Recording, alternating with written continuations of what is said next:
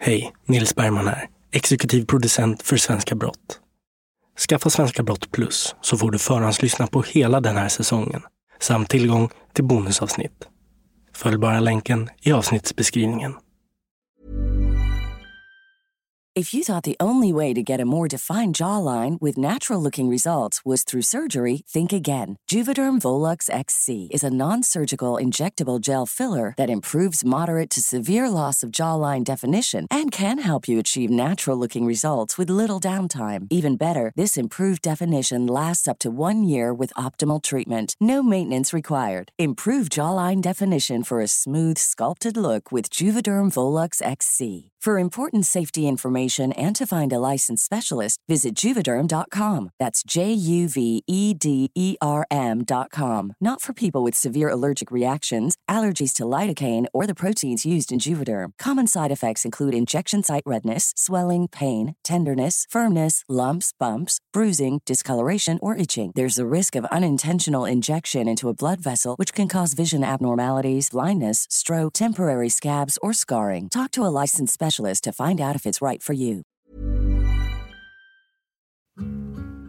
Ja, det är mord på Sveavägen. Prata med polisen. Mord på Sveavägen. Nu ska vi ut på rövarstråt. Ja, vi ska ut och röva. Beröva vad vi kommer åt och vad vi kan behöva. Ja, det är Birre här, vakthavande på LAC. Hej. Ja, hej du. Hörde, de säger att det är Palme som är skjuten. Jaha. Kvällen den 28 februari 1986 åker en man vid namn Christer Pettersson in till Stockholm för att köpa amfetamin. Samtidigt gör statsminister Olof Palme och hans fru Lisbeth sig redo för att åka till biografen Grand för att se filmen Bröderna Mozart. Några timmar senare är Palme död. Mördad under en promenad på väg hem. Lisbeth Palme, som säger sig ha sett mördarens ansikte, är helt säker på sin sak att det var Christer Pettersson som sköt hennes man. Men Pettersson förnekar brott och han har också ett trumfkort på hand. Att polisutredningen är så uselt skött. Det här är del ett av två om mordet på Olof Palme. Du lyssnar på Svenska Brott och denna vecka med mig, Nils Bergman. Den här podcasten fokuserar på brottmål och kan därför innehålla beskrivningar av våld och andra potentiellt stötande ämnen.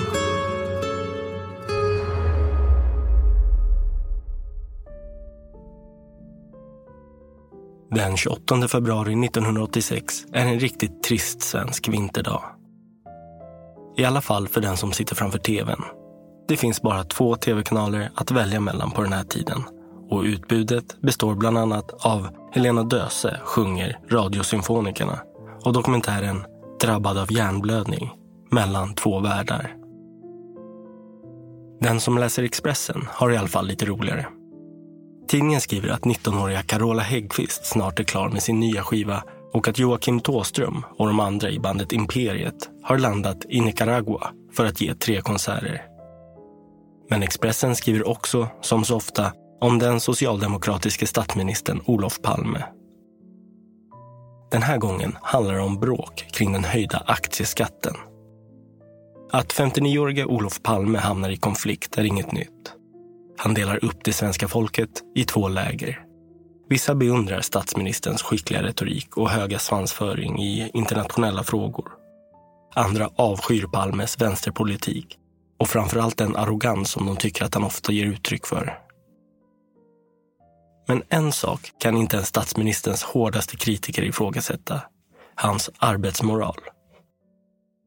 För det är politik nästan dygnet runt. Men det finns undantag. Och kvällen den 28 februari 1986 är ett sådant. Olof Palme har ledigt och äter middag med sin fru Lisbeth hemma i lägenheten i Gamla stan i Stockholm. Sen bestämmer de sig för att gå och se Susanne Ostens film Bröderna Mozart på biografen Grand på Sveavägen i centrala Stockholm. Det ska de göra tillsammans med sonen Mårten och hans flickvän. Filmen börjar klockan 21.15 och det börjar bli dags att göra sig i ordning. Samma kväll hoppar den 38-åriga Christer Pettersson på pendeltåget till Rotebro, Sollentuna, för att åka in till city. Att vissa medresenärer väljer platser en bit bort är ingen vildgissning. För Pettersson är en respektingivande figur. Bara att höra honom sjunga en barnsång får håren att resa sig. Nu ska vi ut på rövarstråt, ja vi ska ut och röva. Beröva vad vi kommer åt och vad vi kan behöva. I sina värsta stunder är Christer Pettersson rent av skräckinjagande. Då händer det att han går till attack med både nävar och kniv. Ibland med fatala konsekvenser. Som år 1970 när Pettersson mitt i julruschen på Kungsgatan i Stockholm hamnar i bråk med en för honom okänd man och hugger ihjäl honom med en bajonett. Ett brott som gör att Christer Pettersson döms till sluten psykiatrisk vård. Men eftersom han sköter sig exemplariskt blir det frigivning bara ett och ett halvt år senare. Christer Pettersson blir sjukpensionär tidigt i livet och lever sitt liv på parkbänken och i den kriminella bottenligan. Oförmågan att planera och tänka långsiktigt gör att Christer Pettersson inte deltar i stötar som kräver planering, utan istället ägnar sig åt snatterier på Systembolaget eller Pressbyrån. Det han i långa perioder försörjer sig på är att råna smålangare på pengar. Pettersson uppskattar själv att han begår omkring 600 sådana rån mellan 1970 och 1977. Men den här kvällen, den 28 februari 1986, ligger den typen av brott bakom honom. Nu är han istället på väg till Stockholms innerstad för att köpa amfetamin av vännen och langaren Sigge Cedergren. Christer Pettersson kliver av pendeltåget vid Centralen och går sedan en kort promenad till den illegala spelklubben Oxen. Det är ett känt tillhåll för kriminella, prostituerade och narkomaner och ligger i ett område nära Sveavägen som polisen kallar för Träsket. Där träffar Christer Pettersson sin vän och langare Sigge Cedergren och får tre gram amfetamin. Tidpunkten för besöket kommer att bli en omdiskuterad fråga. Pettersson säger att han kommer till spelklubben Oxen vid 19.30-tiden och stannar ungefär fram till klockan 22.00. Sigge Cedergren berättar i förhör i Stockholms tingsrätt att han inte minns. Kom du ihåg vad det var för tidpunkt som han angav? Nej, jag kan inte komma ihåg tidpunkten. Vad sa du nu? Jag kommer inte ihåg tidpunkten, det gör jag inte. Men det var någon tid i alla fall som skulle bekräftas. En sak är i alla fall säker. Någon gång under kvällen den 28 februari 1986 befinner sig Christer Pettersson på spelklubben Oxen. Den ligger bara nio minuters promenad från biografen Grand, dit makarna Palme nu är på väg. Men exakt när Pettersson kommer och när han går är än idag en gåta. Omkring klockan 20.40 tar Olof Palme och hans fru Lisbeth tunnelbanan från stationen i Gamla stan. Att de gör det helt utan livvakter är obegripligt. Statsministern är i vissa kretsar så avskydd att även de nära medarbetarna pratar om ett Palmehat. Trots det ska makarna Palme alltså ge sig ut i city på egen hand. En lönehelg dessutom, vilket innebär att det är extra mycket folk ute på stan. Det här beror på att Palme inte gillar att ha livvakter i släptåg. Han vill helt enkelt leva ett så vanligt liv som möjligt. Därför har han struntat i att informera Säpo, som ansvarar för personskyddet om biobesöket. Framme vid biografen Grand träffar makarna Palme sin son Mårten och hans flickvän, köper biljetter och går in i salongen. Där sitter de i mörkret till strax efter klockan 23, då filmen Bröderna Mozart är slut. Efteråt går de fyra i sällskapet ut på Sveavägen och pratar en stund. Sonen Mårten föreslår att de ska gå och dricka te någonstans. Men föräldrarna vill promenera hem, trots att det är halt och sju minusgrader ute. Makarna Palme tar farväl av sonen och hans flickvän och börjar sedan gå längs Sveavägen i riktning mot Sergels torg. På väg från biografen lägger Mårten Palme märke till en man i närheten som står och tittar in i en möbelaffär, trots att skyltfönstret är släckt. Han passerar mannen på några meters avstånd och märker hur denne vänder sig om och fixerar makarna Palme med blicken. Men att föräldrarna blir igenkända är inget ovanligt, så Mårten Palme tänker inte mer på saken utan går vidare. Längre ner längs Sveavägen passerar makarna Palme en korvkiosk och blir igenkända av mannen som jobbar där. Han reagerar spontant på att de inte tycks ha livvakter med sig. Korvförsäljaren lägger också märke till en annan sak. En man med säregen gångstil som följer efter paret Palme på några meters avstånd. Vid Adolf Fredriks kyrkogata korsar paret Palme Sveavägen eftersom Lisbeth vill titta in i ett skyltfönster med indiska kläder på andra sidan gatan. Efter en liten stund går hon vidare. Klockan är 23.21 när de passerar färgaffären Dekorima i korsningen Sveavägen-Tunnelgatan. Då hörs en knall. Lisbeth Palme förstår först inte allvaret utan säger barnens smällare är skrämmande. Då hörs ytterligare en knall och sedan känner hon en brännande smärta i ryggen. Samtidigt segnar Olof Palme ner på gatan. Lisbeth Palme inser att knallarna inte alls är smällare utan att hennes make har blivit skjuten. Hon är så chockad att hon inte inser att hon själv blivit rispad i ryggen av en kula som är nära att kosta henne livet.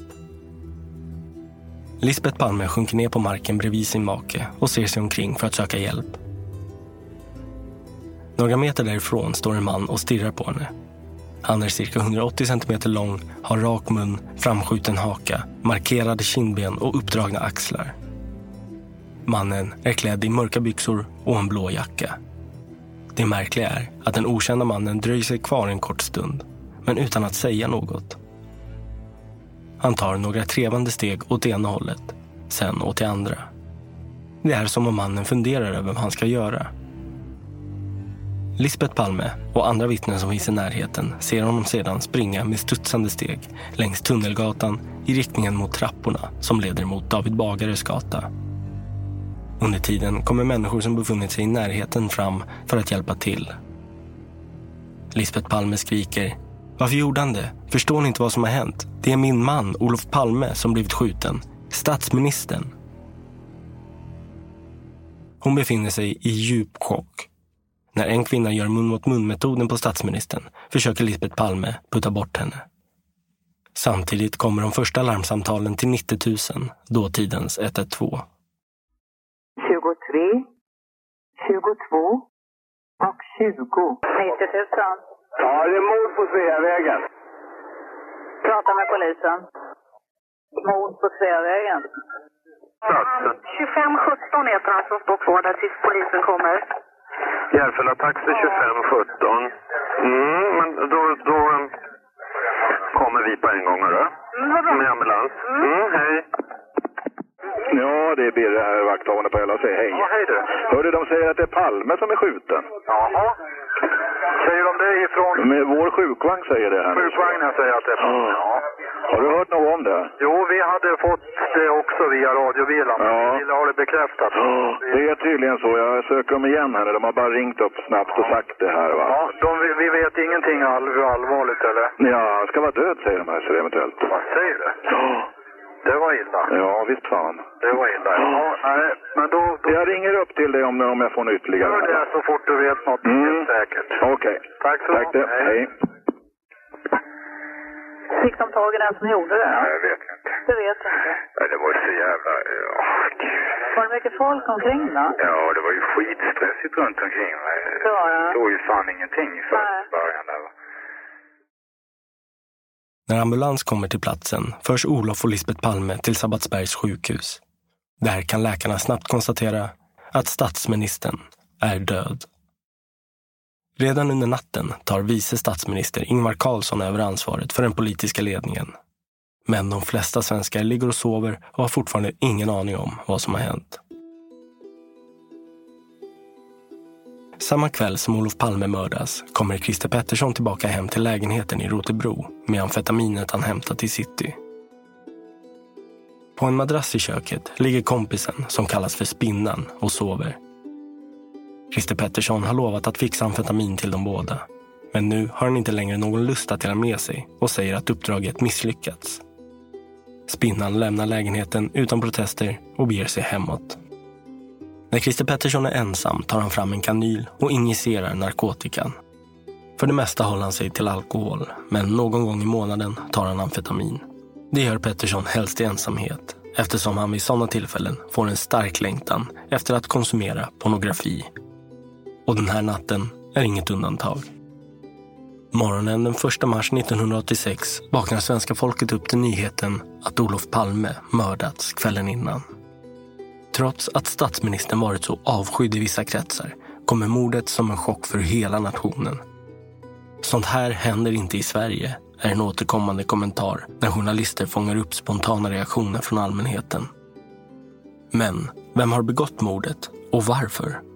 Det ska utredningen, som kommer att bli den mest omfattande i svensk kriminalhistoria, försöka svara på. Dessvärre begås stora misstag redan under natten. Avspärrningen vid brottsplatsen är för liten och sökandet under mordnatten är oorganiserat.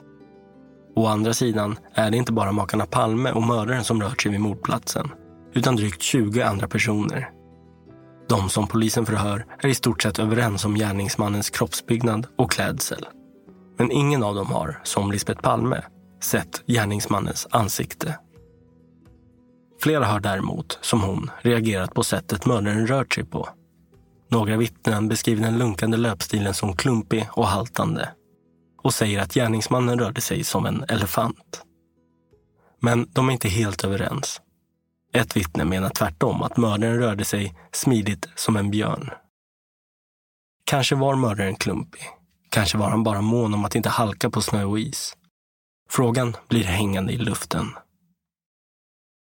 Vem som har befälet är däremot glasklart. Polismästaren i Stockholm, Hans Holmér, lyckas mot alla odds kapa åt sig ansvaret. Trots att han saknar såväl kompetens som erfarenhet. Det naturliga hade varit att låta en rutinerad utredare leda utredningen. Men Holmér har rätt kontakter och lyckas snabbt dra på sig ledartröjan. Det ska senare visa sig vara ett stort misstag.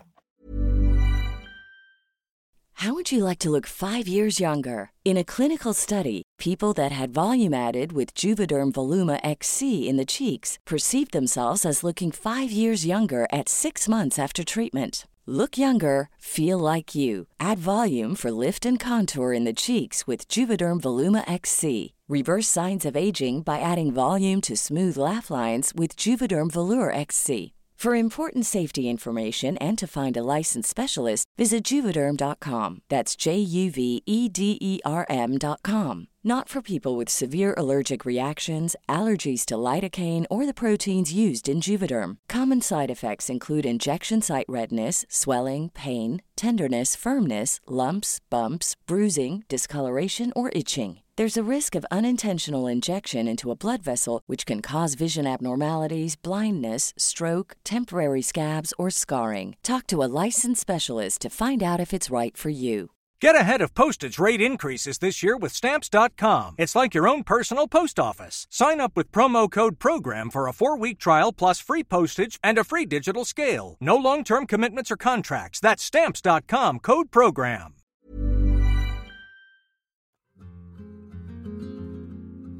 Ju längre tiden går, desto mer framstår Hans Holmér som en person som tagit sig vatten över huvudet.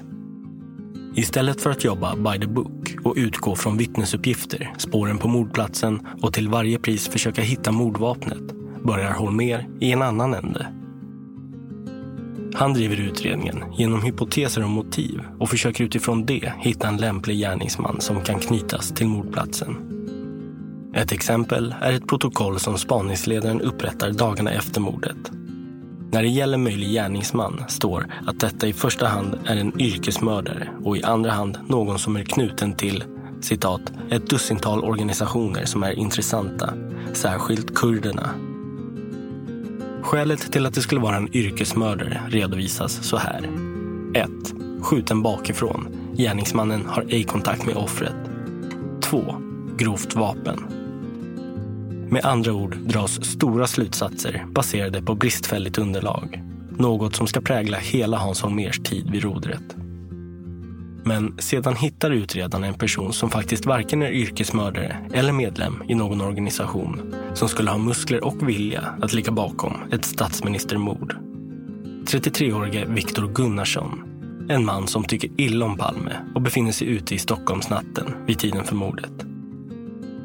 Han anhålls, men släpps eftersom det inte går att knyta honom till mordplatsen. Därefter begår Hans Holmér sitt riktigt stora misstag.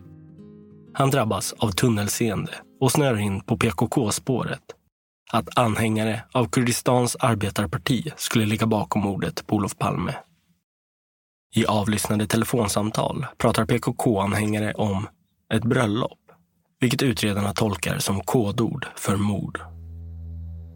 Hans Holmér går igång på alla cylindrar och i början av 1987 görs ett stort tillslag.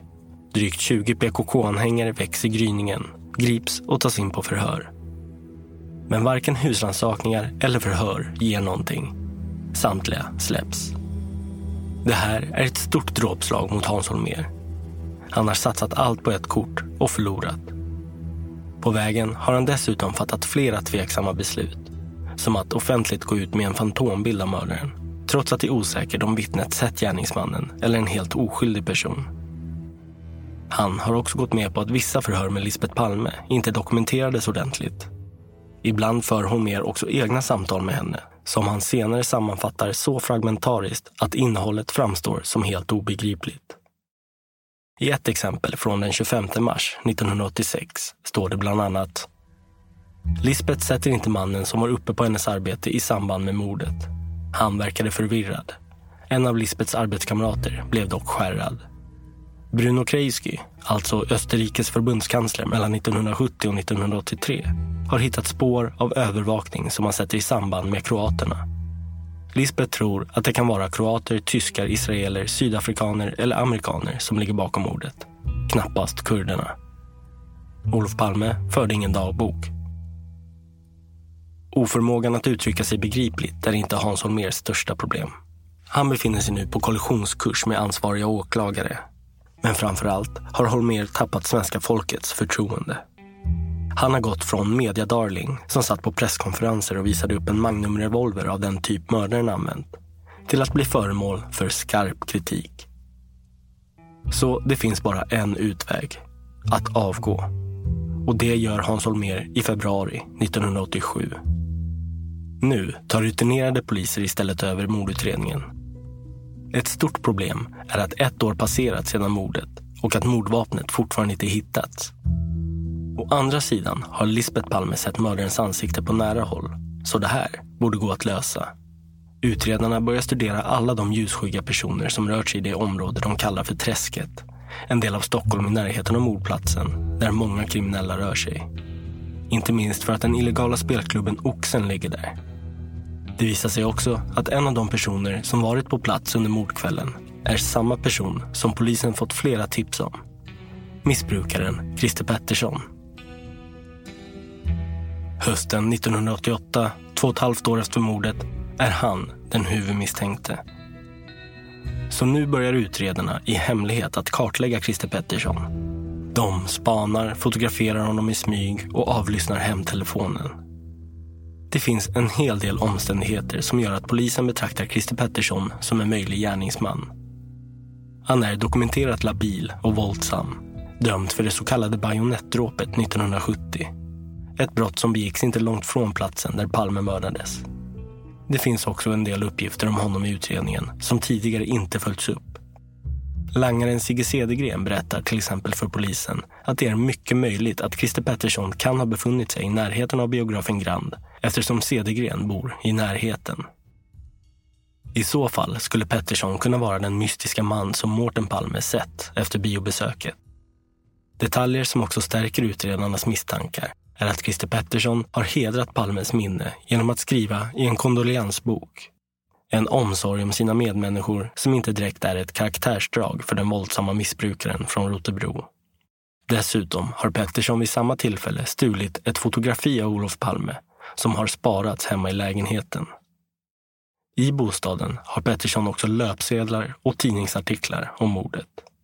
Dessutom har han, under ett fängelsestraff, blivit kompis med den så kallade bombmannen Lars Tingström.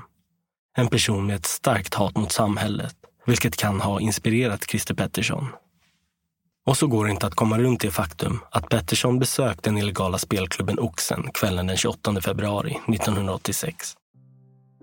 Att uppgifterna om när han kom och gick är luddiga gör också poliserna misstänksamma. Å andra sidan finns det en hel del som talar för att Christer Pettersson är oskyldig.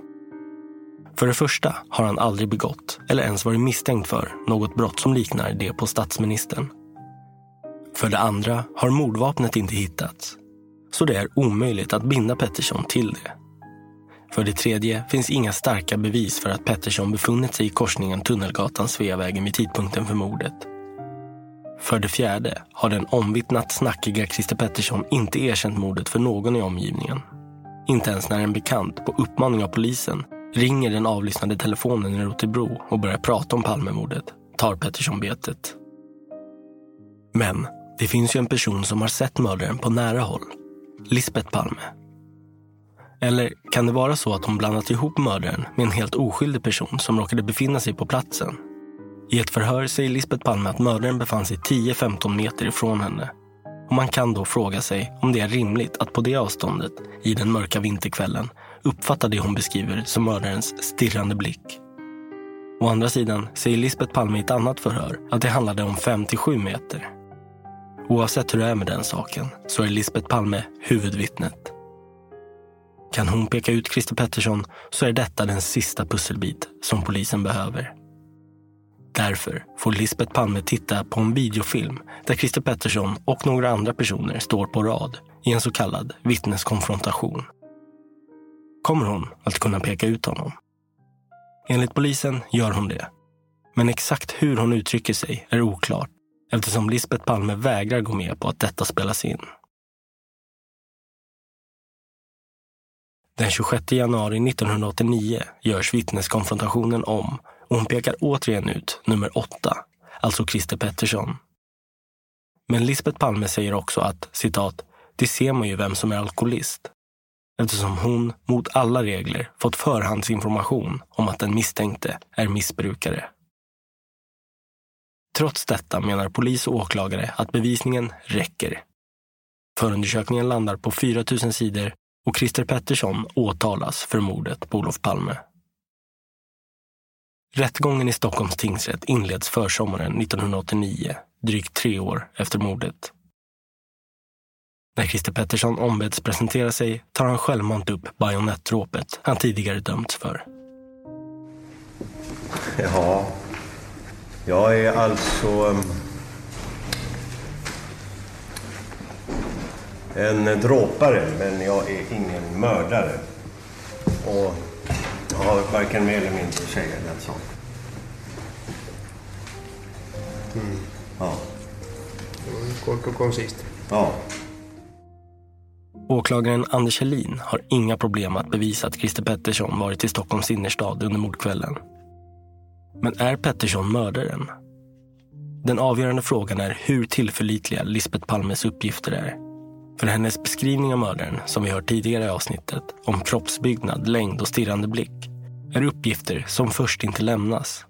Snarare är det så att ju längre tid som passerar, desto mer detaljerad blir Lisbeth Palme i sina beskrivningar av allt från mördarens tunna läppar till framskjutna hakparti. Men under rättegången i Stockholms tingsrätt viker hon inte en tum. Det var Christer Pettersson hon såg vid mordplatsen. Men han förnekar och säger att han inte befann sig på Sveavägen tidpunkten för mordet. Och då kommer jag tillbaka till det som jag har sagt hela tiden att jag lämnade Stockholm från Stockholms central med 90 procentig sannolikhet kvart i 23 och med 10 procentig sannolikhet kvart över 23. Ja. Christer Pettersson förnekar också att han har haft tillgång till något skjutvapen. 90 procent av de jag umgås med, de har inte vapen. Mm. Men det förhindrar ju inte att det kan ha förekommit i kretsarna där. Men, men faktum kvarstår ju att jag har aldrig sett eller blivit förevisad något vapen på spelklubben Oxen.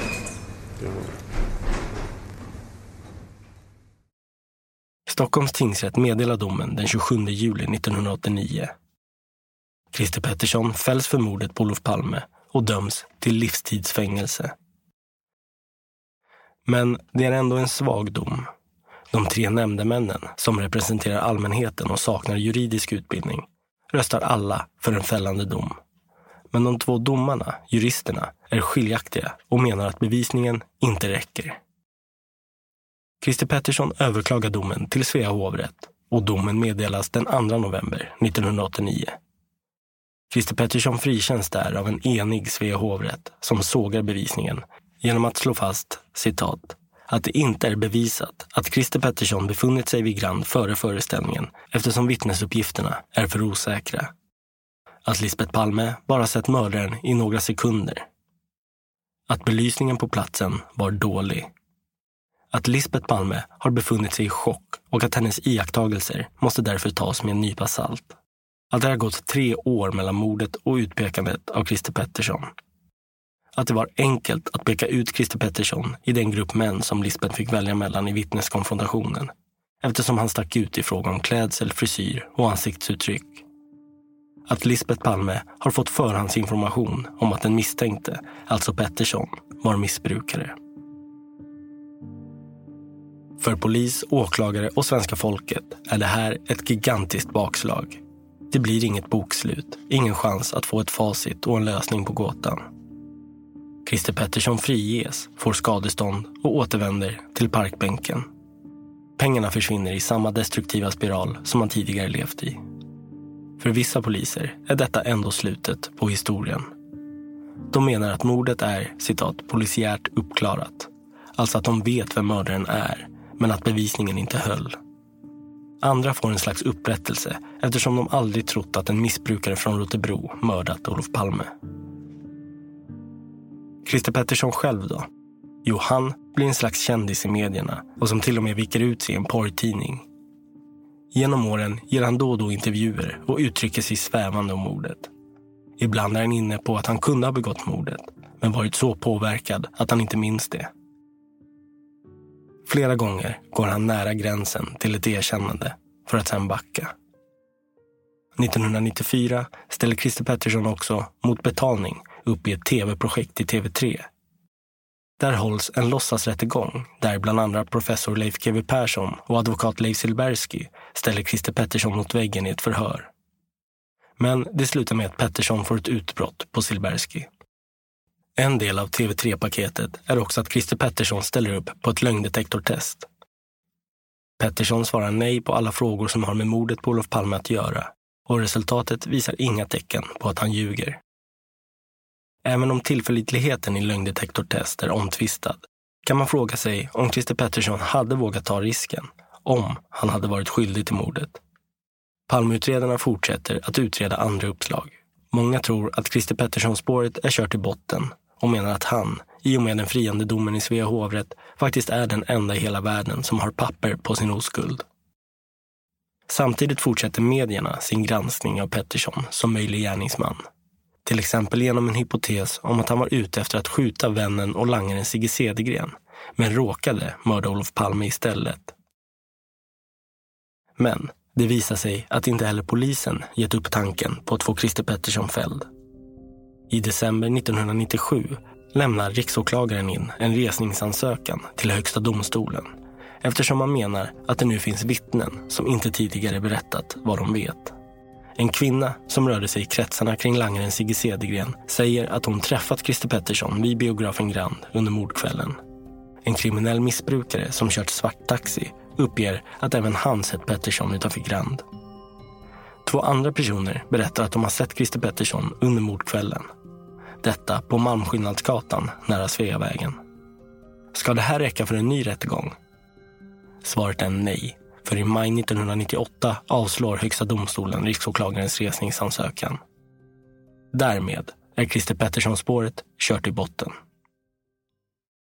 Samtidigt vägrar medierna att ge upp tanken på att Christer Pettersson kanske ändå kan vara den skyldige. Och ibland spelar han också med själv. År 2001 erkänner Pettersson mordet i en debattartikel i Expressen som skrivits av Petterssons gamla skolkamrat, radioprofilen Gert Fylking. Men sen tar Christer Pettersson tillbaka erkännandet. Så var han Olof Palmes mördare? Det är en hemlighet som Christer Pettersson tar med sig i graven. Han avlider år 2004, 57 år gammal, efter en hjärnblödning. Men det här innebär inte slutet på jakten efter Olof Palmes mördare. Såväl privatspanare som poliser vägrar ge upp. Mer om det hör du i nästa avsnitt, del 2, om mordet på Olof Palme. Du har lyssnat på Svenska Brott. Dagens avsnitt är skrivet av Andreas Utterström. Mitt namn är Nils Bergman. Tack för att ni har lyssnat.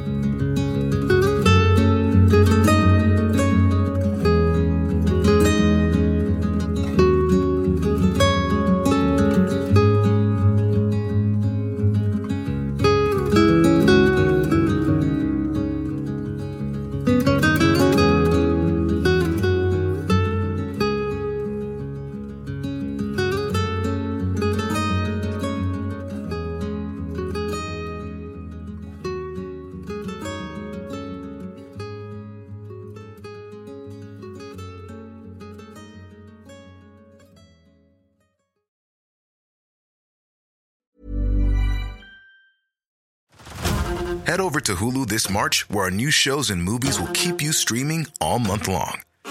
Catch the award winning movie Poor Things, starring Emma Stone, Mark Ruffalo, and Willem Dafoe. Check out the new documentary, Freaknik The Wildest Party Never Told, about the iconic Atlanta Street Party. And don't miss FX's Shogun, a reimagining of the epic tale, starring Anna Sawai. So, what are you waiting for? Go stream something new on Hulu. Where's that dust coming from? Still finding debris after vacuuming? Eufy X10 Pro Omni Robot Vacuum has 8,000 PA of powerful suction to remove debris deep in carpets. And it's totally hands free. Want to know more? Go to eufy.com. That's EUFY.com and discover X10 Pro Omni, the best in class all in one robot vacuum for only $799. What triggered this bizarre behavior? Journey into the cold heart of Northern Darkness with Nordic Crimes. That case uh, became like a scene from a horror movie. A new true crime documentary series that chilled the bone. The hunger for killing is increasing in the course of these homicides. Listen on Apple Podcasts, Spotify, or wherever you get your podcasts. Nordic Crimes is a part of the ACAST family.